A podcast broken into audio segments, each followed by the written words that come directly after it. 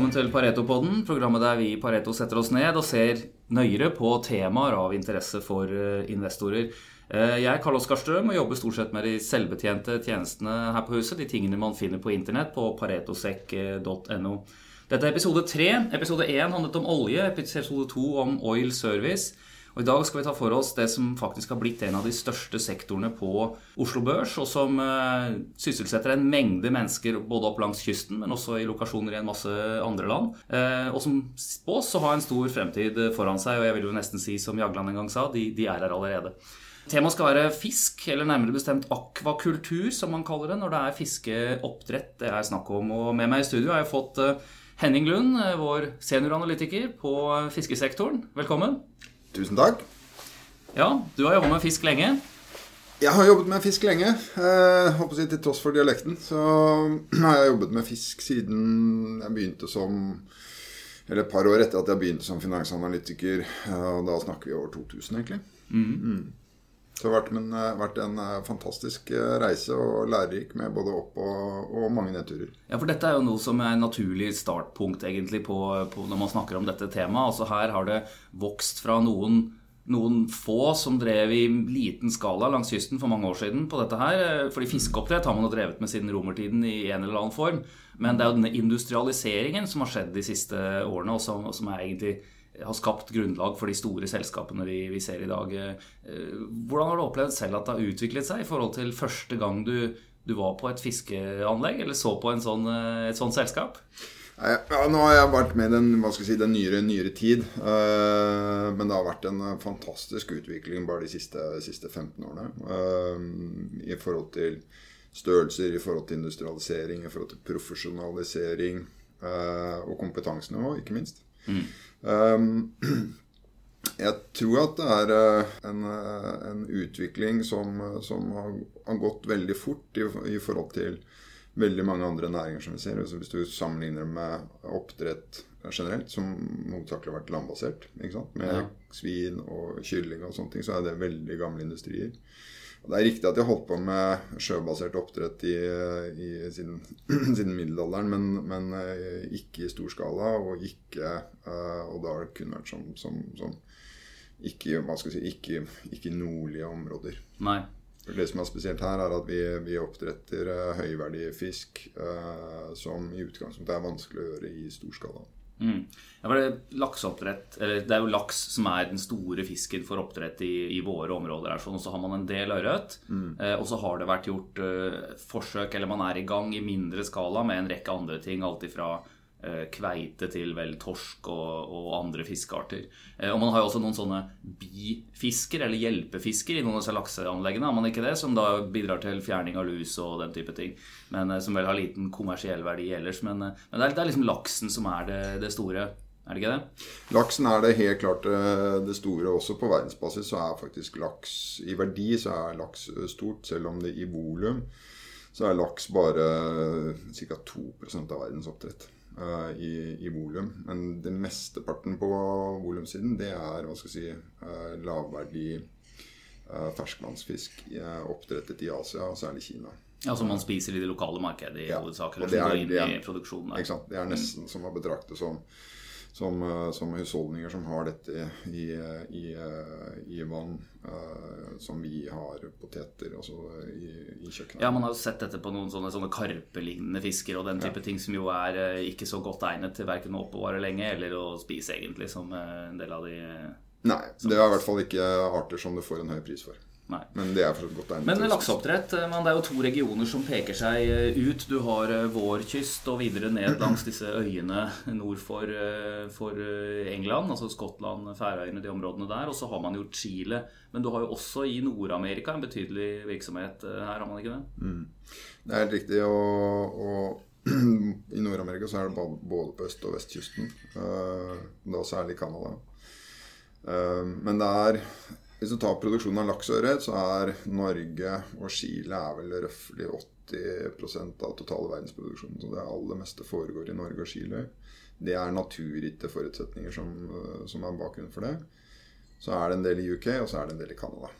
Mm. Men det er hovedsakelig produksjonen. Og så har du forstått også noe i Færøyene. Og, og i Island blir det mer produksjon etter hvert, men, men kommer allikevel ikke til å bli i nærheten av den produksjonen som vi har langs, langs den veldig lange kysten som vi har i Norge. Nei, for Det er rett og slett naturgitte forutsetninger. Dette er steder som er egnet for oppdrett rett og slett på den, må på den måten som man gjør det i, eh, i dag.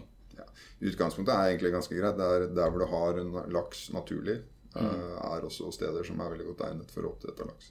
Ja. Det har med temperaturer, saltinnhold, oksygennivåer osv. i sjøen å gjøre. Ja, for fisken skal jo også trives for å vokse. Ja, hvis den ikke trives, så vokser den dårlig, og kostnadene blir høye, og dødeligheten blir høy, osv. osv. Så, videre, så, ja. så dette er biologi, altså. Dette er, dette er ting men dette er fintunet. Ja, og Dette er også, også, et viktig tema her, så vi kommer til å komme litt mer inn på det. at uh, dette har, Her har jo myndighetene også en betydelig rolle, for de er jo opptatt av uh, også dyrehelse, men også disse andre betraktningene omkring, uh, omkring sektoren. Og Vi ser vel både i Norge og Chile at det regulatoriske regimet har utviklet seg betydelig de siste 15-20 årene. og at man prøver å unngå en del av de kjempestore svingningene man har hatt i sektoren før, bl.a. som følge av sykdom. Mm.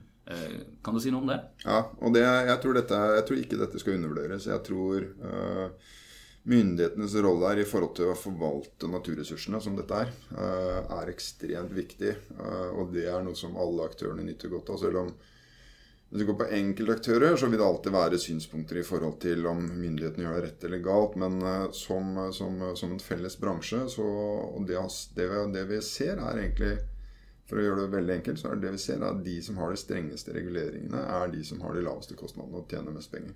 Og Basisen er at hvis du ikke regulerer dette hardt, uh, så blir tetthet for høy, f.eks. Veksten blir for stor. Uh, du får mye sykkelkvalitet, høye volumvekst som gir lave priser osv. Så, videre. så at myndighetenes rolle er ha en bieffekt av det, er at det, det, sånn, som, sånn, som, det fungerer nå, er jo at øh, myndighetene egentlig stabiliserer tilbudssiden. Mm. Som du er inne på, det gir en det gir, altså Kontantstrømmessig, inntjeningsmessig, så gir det også mye større forutsigbarhet og lavere risiko for alle aktørene. Ja, ja, for det er et viktig poeng. fordi at øh, Det vi snakker om, og det som er lettest å, å se når man snakker om laksesektoren, øh, oppdrettssektoren, er jo tilbudssiden. Man hører stadig om, om lakseprisen, og det er jo prisen ut fra oppdretter. Ikke sant? Det er det som hvordan den kvoteres. Men, eh, men, for å industrialisere en eller annen bransje, så er det jo noen i andre enden som skal spise denne fisken. Eh, og, og, før det som skal motta fisken, gjerne på da industriell måte, og få videreforedla den til ulike former for produkter. Og for de så er det jo en stor fordel å ikke ha veldig store svingninger, eh, vil jeg tro, i, eh, og uforutsigbarhet på, på leveransene sine. Så det, er jo flere ledd her som for så vidt myndighetene har bidratt til. De har fått mer stabil produksjon. Da blir det enklere å industrialisere hele prosessen. Og så har du dette nedstrømsleddet, som jo også er interessant å snakke litt om, og som ulike aktører er, er, del, er helt eller delvis involvert i, eh, som går på, på, å lage nye produkter. Og Vi som har barn, merker jo det at det er ikke noe problem å få ungene til å spise fisk lenger. fordi at eh, det, det, er rett og slett andre ting å få kjøpt i butikken enn det det var for noen, mm. noen år siden. Mm. Eh, og det kan jo igjen bidra til, til å dra prisene opp. ikke sant? Altså Man merker ikke så mye hva det er man egentlig betaler i forhold til når du kjøpte en rund fisk som var frossen i disken? Nei, jeg tror hvis, du, hvis man har si, litt lengre perspektiv på dette, og så ser på uh, Ser litt sånn med litt større øyne, da, så sier du hva slags, hva slags pris er det vi oppnår på fiskeproteiner generelt i dag i forhold til andre landbaserte proteiner f.eks. Så tror jeg uh, fiskeproteiner skal stige mye mye mer enn det landbaserte proteiner skal. Mm. Um, men som du er inne på, så er det Eller noe av bakgrunnen for det er at når vi ser på uh, hva slags produkter man lager av fisk i dag, i forhold til hva man har lagd f.eks. av kylling eller, eller svin eller, eller, storfe, så, er, så har fiskeproduktene vært litt underutviklet, og det har vært underinvestert mm. uh, på foredlingsbiten. Det er i ferd med å endre seg. Og det betyr at for oss som handler på Kiwi f.eks., så plutselig får vi tak i fersk fisk hver dag.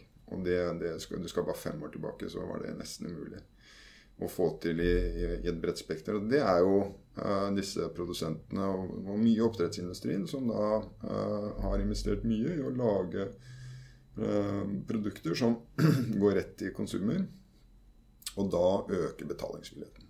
Da får du mer verdi for, for, per kilo fisk som du produserer, så mm. øker du inntjeningen gjennom hele, hele, sektoren. Jeg tror dette er en prosess som egentlig bare har startet. Dette vi kommer til å se mye, mye mer av.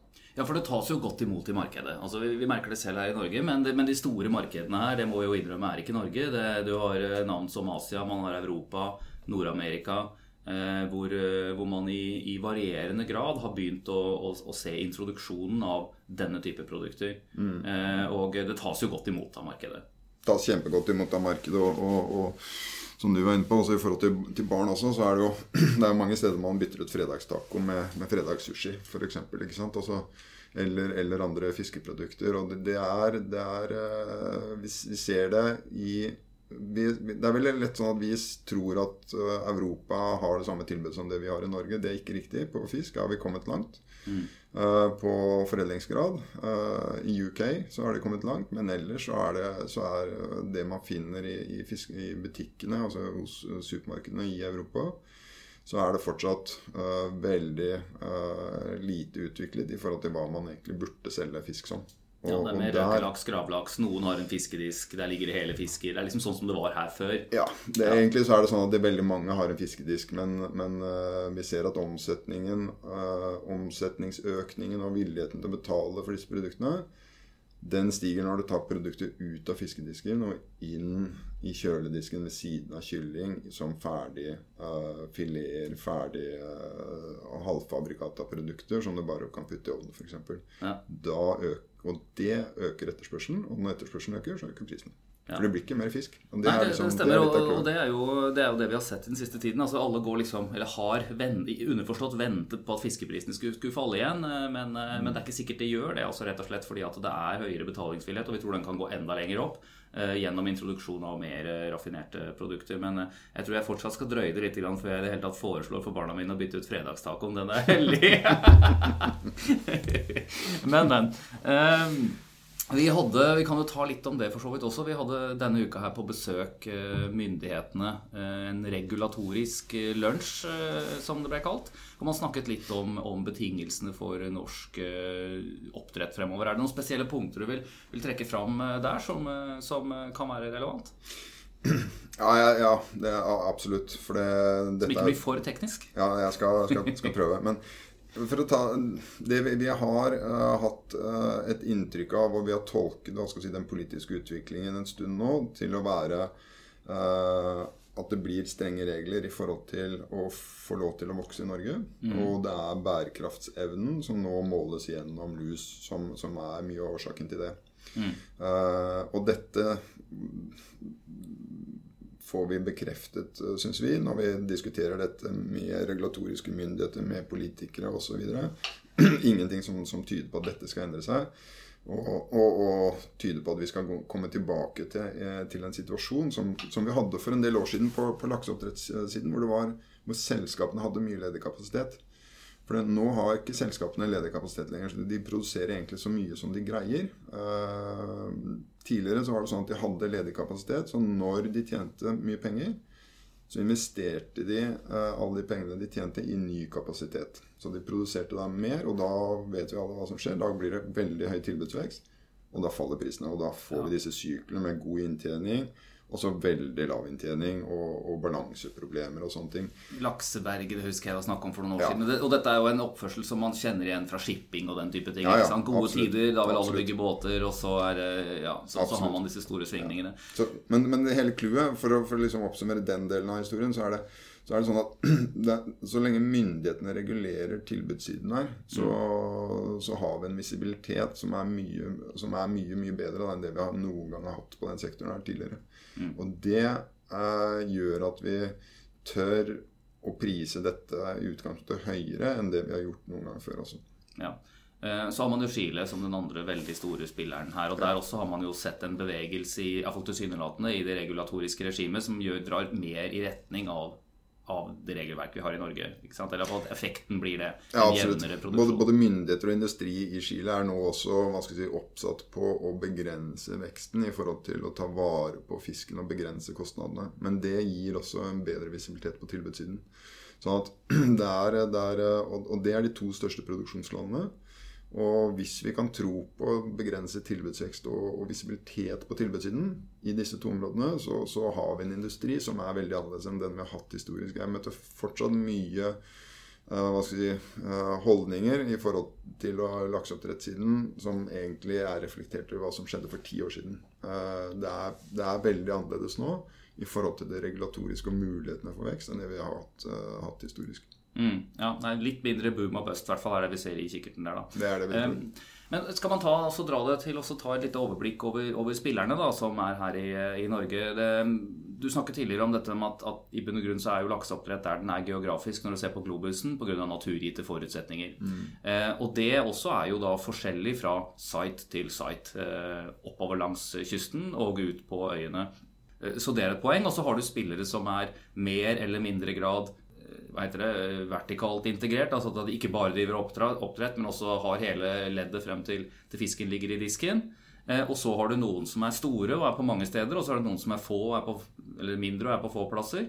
Og så har du en betydelig del av, av industrien som vel ikke er eh, børsnotert som er eid av private rundt omkring. Absolutt. Eh, kan du ta og, og, og, lyse litt med lommelykt på, på, dette her og si, liksom, hvordan, si kort om, om, hvordan de ulike spillerne er, eh, er posisjonert her? Eh, eller kanskje noen eksempler på de forskjellige, mm, mm. i hvert fall. Mm. Nei, altså hvis, du, hvis, du, tar frem lommelykta, så er det første du får se for øye på, det er jo Marine Harvest, som er klart størst. Den er, den er størst. Klart størst. Og Marine Harvest er egentlig en, en gigantisk lakseoppdretter som ha produksjon i alle produksjonsområdene.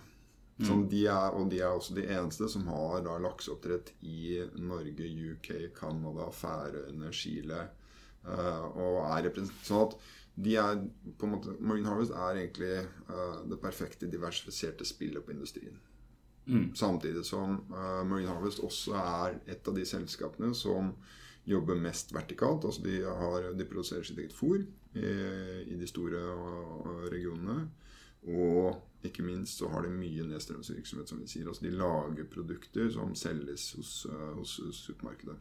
Så det er den første liksom, aksjen man gjerne kikker på når du kikker på, på sektoren her. Og ja. det er jo den mest, mest likvide også, den, den, mest handlede. Ja, absolutt. Og det, det skal ikke undervurderes. Og vi er, er, veldig mye i London og snakker med, med, med investorer i London. Uh, spesialister og mer og mer generalister.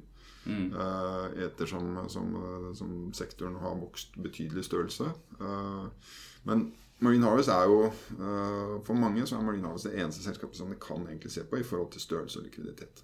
Så mm. det, er, det, er, også viktig i, den forbindelse å, å få tiltrekke seg interesse fra, på investorsiden. Godt poeng for øvrig. Det er, dette er jo en sektor som, som, i økende grad får internasjonalt fokus. Jeg var på Skagen-konferansen eh, nyttår eh, ved inngangen til dette året her sånn, og hørte da en amerikansk eh, kvinnelig strateg, tidligere rådgiver til, til Bush-administrasjonen, som jo trakk fram nettopp marin protein og fiskeoppdrett og eh, for øvrig annet fra havet, vi kan kanskje ta det kort også, som, som en av de store, langsiktige vekstområdene. Og hun sa at liksom eh, fins det mulighet for å investere i det, gjør det. Og i hvert fall på det året her sånn, så har hun, eh, har hun hatt det som en, et, et, et bra treff. Eh, kan jo, vi kan komme kort inn på det, for nå er vel kanskje eh, Marine Harvest er én spiller. Vi har en annen som er stor, eh, Lerøy, som jo nettopp gikk inn eh, i mer hvit fisk også gjennom en transaksjon. ikke sant? Mm. Og, og, det er jo en, en dels mer viltfanget fisk. altså Vi snakker om torsk, da, i all hovedsak andre av de hvite fiskene. Eh, og som, eh, som jeg, så vidt jeg har forstått, Lerøy hadde noen planer, eller har planer om å videreutvikle sluttproduktet der litt av den samme måte som man har sett på, på laks. ikke sant, I mer eh, raffinerte produkter som kan ta en høyere pris. Mm. Det, og det er, tror jeg er en veldig riktig og, og kjempespennende eh, strategi. Bare for, for, å ta Lerøy først, så er Lerøy verdens nest største eh, lakseoppdretter. Så det er liksom et stort oppdrettsselskap. Og Så kjøper de havfisk og Norway Seafood, som er hvitfiskfangst og foredling. Eh, torsk er det viktigste, som du sier. Men Lerøy har masse nedstrøm. Altså de produserer eh, avanserte uh, konsumpakkede produkter av laks og ørret. Mm. Det er liksom det de gjør på nedstrømssiden. Og de, dette leverer da rett inn eh, i supermarkedene i Frankrike og Spania, Portugal og Tyrkia overalt i Europa. Det de gjør nå Nå skal de gjøre da det samme på hvitfisk. Så de lager mye de samme type produkter. De kan også bruke mange av sine egne prosesseringsenheter i Europa for for å lage f.eks. ferske fileter ferdigpakket osv. Og, så og distribuere det å gi eh, disse supermarkedene for første gang tilbud om å gjøre det samme på hvitfisk som de gjør på laks. For det som er store forskjellen på laks i forhold til hvitfisk, er at de kan levere disse produktene hver eneste dag. Samme volum, samme altså, I forhold til kontroll på hele leddet? Liksom. Hele verdikjeden. Mm. Og for det, eh, fisk har historisk det har vært et veldig sesongbetont marked. Fisken, torsken kommer i en periode, fanger den og selger den, og så er det en lang periode uten torsk. Og det er veldig vanskelig for supermarkeder å forholde seg til. Mm. Men det de gjør nå, nå lager de produkter som de kan lage hver eneste dag. Og, og, og, og det var egentlig noe av det jeg mente innledningsvis med at jeg tror denne reisen på, på, fisk og fiskeproteiner har bare begynt. Altså, her er det så mange ting å, å, gjøre i forhold til å utvikle verdiene på, mm. på industrien generelt. Jeg tror det er et veldig godt poeng for, for investor å få med seg at en del av de tingene som, som, man har sett funket veldig godt i noen markeder, det, det, tar man nå ut i andre markeder. Og det er egentlig ingen grunn til å tro at ikke det også skal fungere eh, der. Og det vil kunne føre til, til varig høyere fiskepriser eh, fremover, rett og slett fordi betalingsvilligheten er høyere. Ja. Jeg tror eh, hvis du kjøper en eh, Jeg kjøper en, en fiskefilet eh, kanskje en gang i uka, kanskje hver 14. dag. Ferdigpakket i, på, på, Kiwi. Det er fordi at den ligger der, og den er superfresh, og den er, den er god. Tidligere så var ikke det tilbudet der. Nettopp. Ikke sant? Mm. Men er det noen andre spillere Det er jo mange her, vi skal ikke gå gjennom hele sektoren. Men, eh, men en av de som ofte trekkes frem, er jo Bakkafrost. Rett og slett fordi de får høyest uh, pris for, mm. for, fisken sin. Mm. Hvorfor får de det? De, ligger på Færøyene, ikke sant. Så, så det er en, en, litt annen type oppdrett. Men, men hvorfor, hvorfor, er de alltid best? det er, det er, for det første så er de veldig flinke. Ja. og ekstremt dedikert på, på, på, det de holder på med. Og de har gode naturgitte forutsetninger.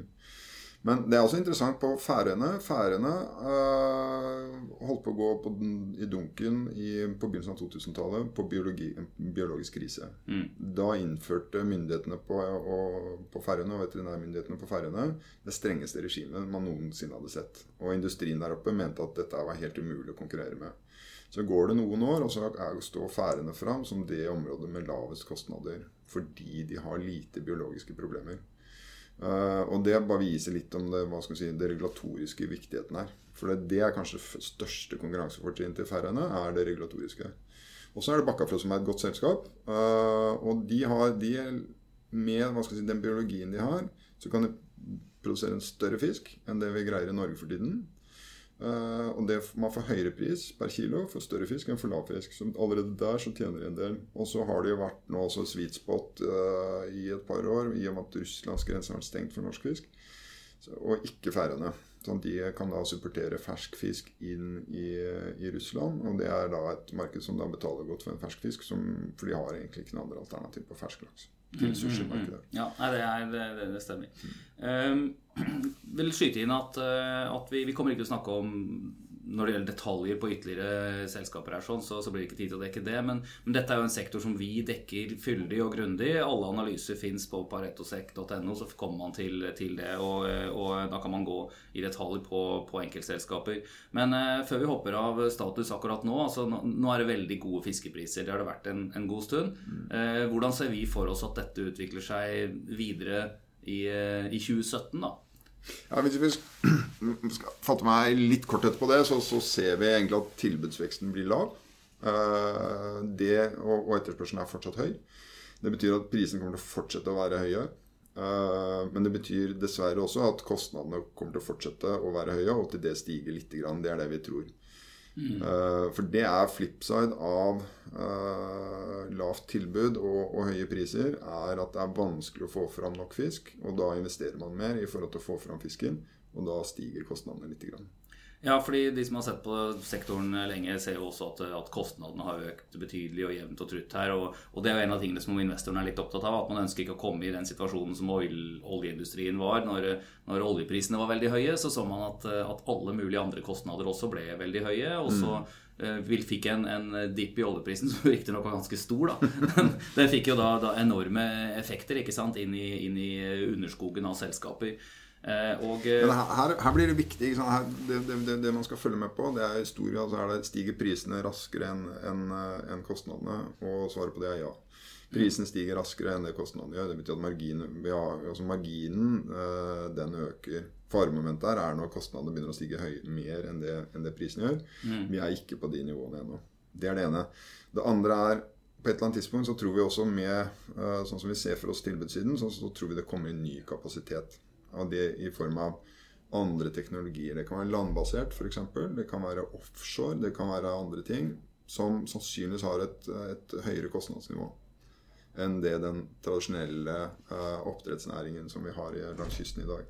Ja, for dette er, dette er, jo et spennende tema, og her tar vi jo på oss de litt mer sånn litt lengre brillene og, og ser uh, fremover. Og uh, det er i grunnen et riktig en fin, en fin, avslutning. altså, og hvordan vi ser for oss at dette her blir fremover. fordi det er, det er som du sier, altså det, det, går an å gjøre ting på land i stedet for der man gjør det nå rett ved kysten. Eller du kan gjøre ting lenger ut på havet. Eh, begge delene blir dyrere enn man gjør det i dag, men det kan ha sine fordeler også. Mm. Eh, for det er jo ikke sånn at man, eh, man, ikke teknisk får til dette. Hvis man skulle sett bort fra kostnaden, så kunne man jo bygd enorme anlegg både her og der. Absolutt. Hvis man hadde hatt en sånn 'vi skal til månen'-innstilling som det Kennedy hadde på 60-tallet, så var jo ikke det noe man altså Første gang man gjør det, så er det ekstremt dyrt. Den hundrede gangen du gjør det, så er det ikke fullt så dyrt. Eh, så, så, det er jo spennende å se dette her. Kan du si litt om de ulike initiativene? Fordi i bunn og grunn med dagens struktur så får de vokse lite, selskapene. ikke sant? Får lite mm. ny produksjon. Eh, mm. Det er snakk om småprosenter. Mm. Men, eh, men det skal gis konsesjoner til nye initiativ dersom de er hva var det myndighetene sa? At, det er betydelig endret fra dagens og, og innebærer liksom betydelig utvikling. Jeg vet ikke hvordan de formulerte seg på det der, men uh... Betydelig innovasjon og betydelig investeringsnivå er, er de to kriteriene som, eh, som, skal til for å få, få disse nye konsesjonene, disse såkalte forsknings- og utviklingskonsesjonene. Mm. Det er, SalMar har fått godkjent igjen. Det er flere i pipen som ligger an til å få godkjenning. Det er flere som ikke har fått godkjenning, og det blir nok en del som ikke blir godkjent. Men, så det kommer noe kapasitetsvekst gjennom dette. Men det som blir interessant å se, er hvilke av disse konseptene som funker, funker og funker ganske bra. Ja, Her eh, prøver man seg litt frem med ulike måter å gjøre det på. Alt fra båter til svære mærer i havet. Og, ja, ikke sant? For her, her, får man jo egentlig en lisens. Utgangspunktet her er at dette er prosjekter som, som med veldig høyt investeringsnivå. Uh, men her får man lisensen gratis. Og en lisens i dag for å produsere fisk, den er jo priset til over godt over 100 millioner kroner. Sånn at når man får den gratis, så er det klart at da kan man være villig til å investere ganske, ganske mye uh, i, i, anlegg. Og sånn sett, så det, myndighetene gjør da, det er at de uh, initierer masse forskjellige initiativ i forhold til å produsere oppdrettsfisk. Mm. Og så håper man at en eller flere av disse vil lykkes uh, operasjonelt. Det blir spennende å se, det er ingen tvil om det. Tror, hvordan tror du selv, hvis du skal liksom når du om fem år eh, ser, ser ut langs norskekysten, hvordan ser det ut der?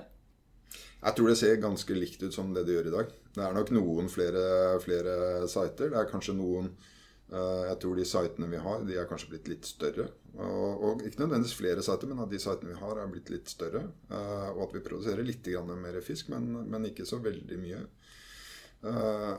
og jeg tror, sånn som det ser ut nå, så, så vil fremtidsutsiktene om fem år kanskje være litt like som de vi har nå, med at eh, det kan komme noe mer eh, kapasitet gjennom nye teknologier.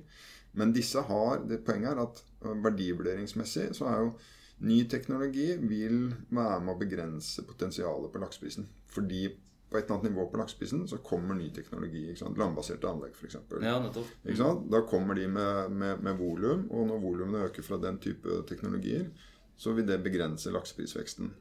Men det betyr jo ikke nødvendigvis at ikke verdien av de eh, produksjonsområdene, de sitene som vi har i dag, de vil fortsatt levere kostnadsnivåer som er lavere. Altså de vil fortsatt levere da høye marginer i et sånt scenario. Det vi mm. ikke vet, er hvor, hvor er det lakseprisen cappes i forhold til ny teknologi. Og det jobber vi med, men det er, det er jo et åpent spørsmål. Det er et åpent spørsmål. Jo lenger man kommer ut på estimeringsperioden, jo større usikkerhet er det jo i den type ting. Men, men en ting er sikkert, dette er en sektor med stor fokus. Det skjer mye der. Det er mange selskaper. Konsolidering er sikkert ikke ferdig heller. Det vil være transaksjoner både oppover og nedover og bortover i denne sektoren framover. Og, og det er generelt spennende å følge med på dette her. Det har vært en fantastisk reise på disse aksjene i de senere årene. Eh, og vi er vel stort sett positive til eh, de vi ser i sektoren nå, er vi ikke det? Absolutt. absolutt. Og bare som en liten tilleggskommentar i forhold til spørsmålet hvor vi er om fem år, så tror jeg nok at hvis vi ser på selskapsnivåer, så er dette de selskapene i verden på oppdrett som har kommet lengst i forhold til teknologi og forståelse av man skal si, genetikk osv. Uh, eh, disse selskapene som vi snakker om, som er børsnotert i Oslo, det er jo de selskapene som har best forutsetninger for å lykkes også med andre arter. Uh, og det er det jo masse initiativ på i forhold til å lykkes. Jeg tror vi, selskapene kan fortsatt være at dette er oppdrettsselskaper, ikke lakseselskaper, hvis du tar på deg litt, de litt lengre brillene. Og da begynner det å bli ganske interessant. Det tror jeg vi lar være siste kommentar her. Dette her eh, ser spennende ut. Og for de som vil høre mer, som sagt, eller se mer på enkeltselskapene, så, så finner man det hos Pareto. Vi har fyldig dekning på alle selskaper. og eh, med det sier jeg takk for i dag. Ha det bra.